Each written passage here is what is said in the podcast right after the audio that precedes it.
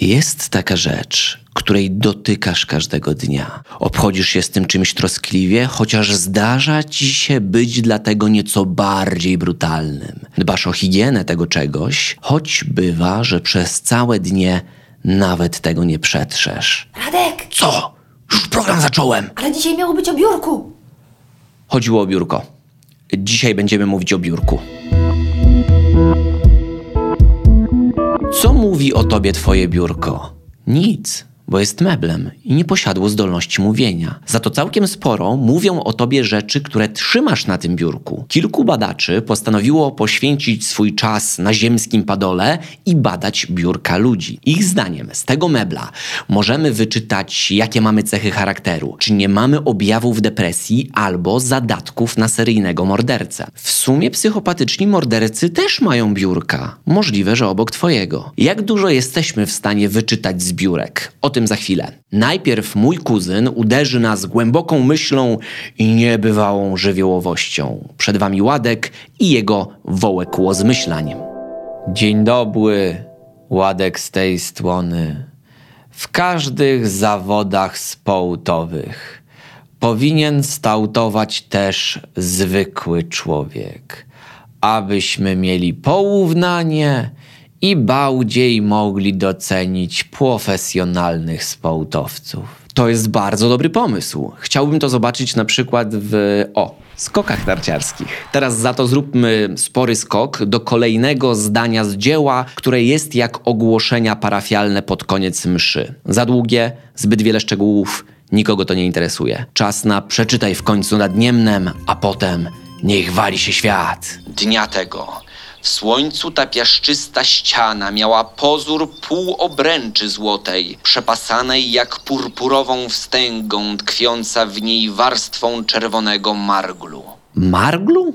A cóż to takiego? Pierwsi czytelnicy nad Niemnem nie mieli jak tego wygooglować, a ci współcześni pewnie nawet nie dotarli do tego zdania. Okej, obowiązek patriotyczny spełniony, nad Niemnem poczytane, przed nami gwóźdź programu. Biurko. Niezwykle osobisty mebel. Założę się, że mniej osób stało na Twoim biurku niż na Księżycu. Zdaniem naukowców, biurko jest zapisem naszego życia, bo spędzamy przy nim naprawdę sporo czasu. W sumie siedzisz przy biurku przez parę godzin w pracy, głównie po to, aby mieć pieniądze na przykład na zakup podobnego biurka do domu. Czy to nie brzmi Wam trochę jak spisek producentów biurek? Mam was! Tak, jak z lustra możemy wyczytać swój wygląd, tak z biurek nasz charakter. Jeśli Ziemię nawiedziłaby niewyobrażalna katastrofa, nawet większa niż nowa płyta Kai Paschalskiej, to bardzo możliwe, że za miliony lat archeolodzy z jakiejś obcej cywilizacji natrafią na całe open space'y, ba, na całe korporacje zatopione w bursztynie albo przykryte wulkanicznym pyłem. Tak jak kiedyś odkrywano w egipskiej Dolinie Królów grobowiec Tutenchamona, tak tu oczom dzielnej ekspedycji ukazałby się dział marketingu na Domaniewskiej. Wtedy biurka byłyby niezwykle ważnym źródłem wiedzy na temat ludzi, którzy niegdyś tam pracowali albo udawali, że pracują. Dziś też na podstawie biurek wyrabiamy sobie zdanie o innych ludziach. Profesor Kerry Cooper przeprowadził wywiady z 500, z 500, 500, 500 menadżerów rozmawiało z profesorem Cooperem na temat biurek ich podwładnych. Co się wtedy okazało? Wielu menadżerów przyznało, że bierze pod uwagę wygląd biurka swoich podwładnych, podejmując decyzję o ich awansie. Wow, czyli możesz na zawsze zajmować najniższe stanowisko tylko dlatego, że na przykład jesteś entuzjastą historii i postanowiłeś ze swojego biurka uczynić wierną, historyczną rekonstrukcję Hiroshimy zaraz po tym, gdy spadła na nią bomba atomowa. Sprawiedliwe? Pewnie tak. To jeszcze nie wszystko. Ponad połowa badanych menadżerów stwierdziła, że chaos na biurku swojego podwładnego łączy z chaosem w głowie takiego pracownika, że jest on nieskoncentrowany, nieodpowiedzialny. Hola, hola. To jest już chyba trochę krzywdzące. To jest tak, jakby myśleć, że ktoś, kto wita się z innymi uściskiem dłoni na zgniłego śledzia, sam jest zgniłym śledziem. Hmm. A nie jest Jednak szefowie w tym przypadku wyjątkowo nie muszą mieć racji. Holenderscy badacze w 2012 roku udowodnili, że zabałaganione biurko pomaga wszędzie tam, gdzie praca opiera się na myśleniu, kreatywności i rozwiązywaniu problemów. A więc nie w Sejmie, ale już na przykład w dziale grafików czy programistów jak najbardziej. Gdy zresztą popatrzymy na biurka kreatywnych i wybitnych postaci, takich jak Albert Einstein, Mark Twain, Steve Jobs czy Michał Wiśniewski, to wszędzie tam natrafimy na dość spory chaos. Zdaniem naukowców, porozrzucane szpargały tworzące rozgardiaż wspomagają podejmowanie odważnych i dobrych decyzji. Natomiast biurka puste jak obietnice wyborcze raczej wspierają trzymanie się ustalonych reguł i niewychylanie się poza schematy. Jednak to nie bałagan był najgorszy dla tych 500 menadżerów, których przepytał profesor Cooper. Szefowie stwierdzili jak jeden mąż, że najgorsze dla nich są biurka ich podwładnych, które do tego wszystkiego są brudne, jak stół w TVN-ie. Od dwóch dni jest tak stół tutaj, że tylko dlatego, że zlikwidowaliśmy ten przerywnik, który jedzie z góry, to jeszcze się to jakoś uchowało i ludzie tego nie widzą. Ale właściwie ile czasu dziennie spędzamy przy biurku? Szyniaczku, puk puk. Zabawne, że zapomniałeś, kto zadaje pytania w tym programie. Teraz nie będzie poplania. Teraz będzie zagadka wujka Radka. Proszę Państwa, ile dziennie średnio godzin spędzamy przy biureczku, zdaniem brytyjskich naukowców, bo polscy w tym czasie byli zajęci poważnymi sprawami. A. 4 godziny 14 minut. B. 5,5 odcinka Gry o Tron. C. 5 godzin 41 minut. No słucham, cwaniaczki. Rozwiązanie na końcu odcinka, a teraz pora na odczytywanie charakterów ludzi po wyglądzie ich biurek. Oczywiście nie można na tej podstawie wyciągać zbyt daleko idących wniosków, więc warto zachować ostrożność. Co najmniej taką, jaką zachowują niemieckie dzieci, gdy w szkole zgłaszają się do odpowiedzi. Profesor Lili Bernheimer wyróżniła pięć podstawowych rodzajów biurek i ich właścicieli. Pierwszy typ to graciarz. Zaliczasz się do tej grupy, jeśli nawet nie wiesz, jakiego koloru jest twoje biurko. Domyślasz się jedynie, że pod hałdą papierów, elektroniki i pudełek po jedzeniu jest jakiś mebel, bo jest to bardziej prawdopodobne niż to, że wszystkie te rupiecie lewitują w powietrzu. Graciarze spokojnie mogliby prowadzić biuro rzeczy znalezionych, pod warunkiem, że potrafiliby cokolwiek znaleźć. Są nawet badania, które sugerują, że takie osoby spędzają 4 godziny w tygodniu na szukaniu przeróżnych rzeczy. Graciarze nie wyrzucają zbyt dużo. Kierowniku, wszystko się może kiedyś przydać. Na ich biurku znajdziesz cztery zszywacze, całe zastawy brudnych naczyń i sześć ton książek, których spokojnie pozazdrościłaby Biblioteka Narodowa. Takie osoby zwykle nie zdają sobie sprawy z tego, jak wiele przedmiotów mają na biurku, do momentu, gdy przez przypadek czegoś nie wyleją. Wtedy zaczyna się lament. O, mój katalog z Ikei z 2014 roku, cały zalany, a mógł się jeszcze kiedyś przydać. Zdaniem profesor Bernheimer, graciarze to zwykle towarzyscy i przyjaźni ekstrawertycy. Miewają dobre i kreatywne pomysły. Problem polega na tym, że często nie wdrażają ich w życie, bo bywają jak gospodarka Związku Radzieckiego. Niezbyt produktywni. Pracowałem w sumie kiedyś z takim zawodnikiem parę lat temu. Miał biurko zawalone absolutnie wszystkim i był wiecznie tak zajęty, że nie miał czasu na pracę. Przeciwieństwem graciarzy są minimaliści. Na ich biurkach znajduje się bardzo mało rzeczy, z których każda ma ścisłe zastosowanie. Brak zbędnych elementów, brak ozdób,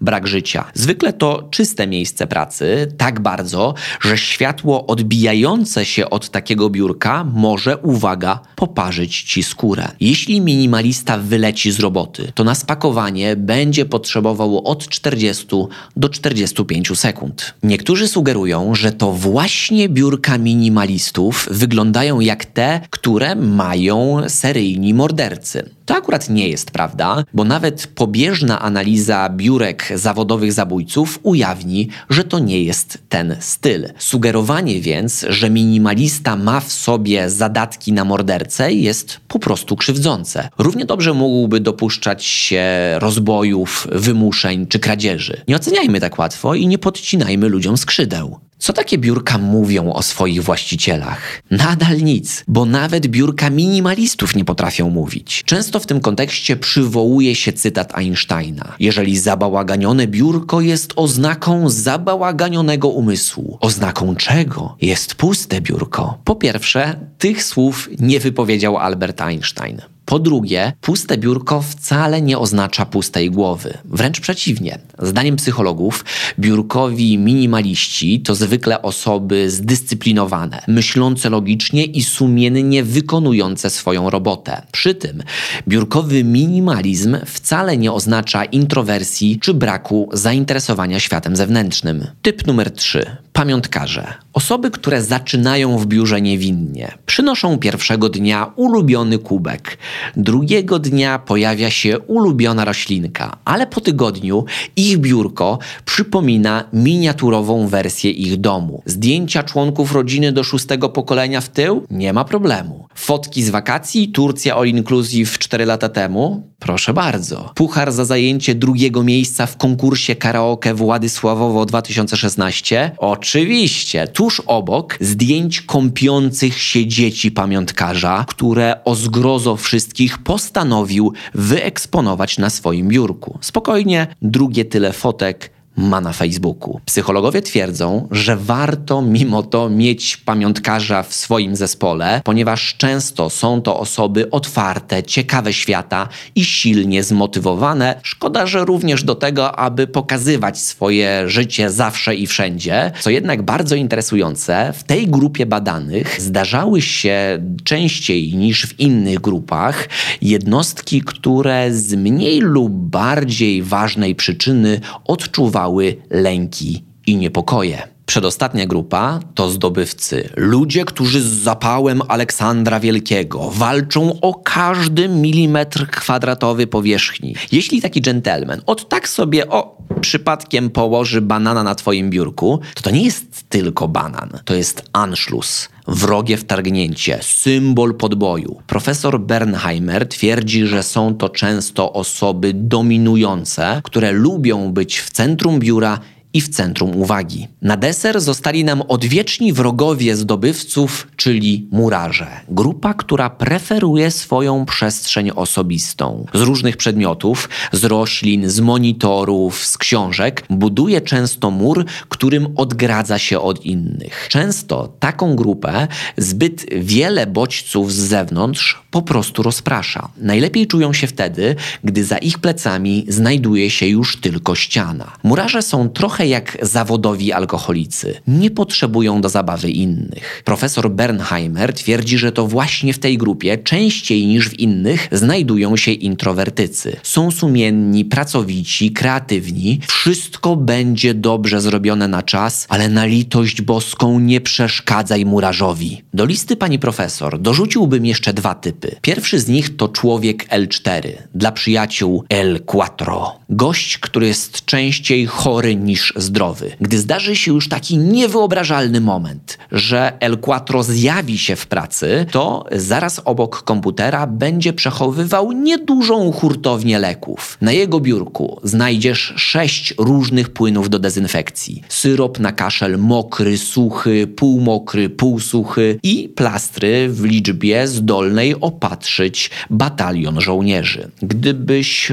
odciął sobie rękę w pracy, El Quattro bez najmniejszego problemu ją przyszyje, ma materiały, ma wiedzę, bo uczył się zasad transplantologii z internetu naturalnie w czasie godzin pracy. Mimo wszystko przydatna bestia. Podobnie jak drugi typ, Tech Geek, chodząca wyrocznia technologiczna. Taki ktoś trzyma na swoim biurku powerbank, zdolny naładować samochód elektryczny albo małe miasto. Do tego dwie drukarki, kable w przepotężnej długości z wtyczką każdą możliwą wyprodukowaną kiedykolwiek i do nawigacji całym tym systemem ma tablet z ekranem o powierzchni województwa świętokrzyskiego. Z mojego doświadczenia wynika, że takie jednostki są niezwykle przyjazne, ufne, spokojnie zostawiają portfel, gdy wychodzą do toalety na swoim biurku, ale nigdy, przenigdy nie zostawią odblokowanego komputera. Oczywiście tych wszystkich klasyfikacji nie można brać dosłownie i rozstrzygająco, bo minimalista może mieć czyściuteńki blacik, ale zagracone szuflady, a od wysypiska śmieci na biurku niekoniecznie staniesz się ekstrawertykiem. Jednak naukowcy twierdzą, że coś w tych podziałach może być. W końcu biurko to naprawdę bliski nam przedmiot. Jestem bardzo ciekawy, do którego typu Wam jest najbliżej. Tak sobie teraz patrzę na moje biurko. Jego większą część porasta mech. Lubię sobie na nim czasami postawić coś do picia albo coś do jedzenia. To jest takie sentymentalne chyba nawiązanie do czasów, gdy nasi przodkowie nam chuja dali. Natomiast zadanie na dzisiaj jest bardzo proste. Wpiszcie w komentarzach, co macie na swoim biurku i mogą to być rzeczy absolutnie typowe, jak komputer, roślinka, czy rzeczy mniej typowe, jak na przykład reprodukcja obrazu o nazwie Upadła Madonna z wielkim cycem Van Klompa. Jeśli słuchacie tego w formie podcastu, to po prostu o tym pomyślcie. Warto czasami w ogóle pomyśleć o swoim biurku i o tym, co przedmioty, które się na nim znajdują, mogą o nas mówić. Tymczasem bardzo dziękuję Wam za dzisiaj. Do usłyszenia następnym razem. Została nam jeszcze poprawna odpowiedź na zagadkę wujka Radka. Tym razem to odpowiedź C. 5 godzin i 41 minut. Tyle średnio spędzamy przed biurkiem. A więc w sumie odpowiedź B. 5,5 odcinka Gry o Tron także była poprawna. Tymczasem subskrybuj ten podcast. Bardzo Wam za takie aktywności dziękuję i mocno je doceniam. Do usłyszenia.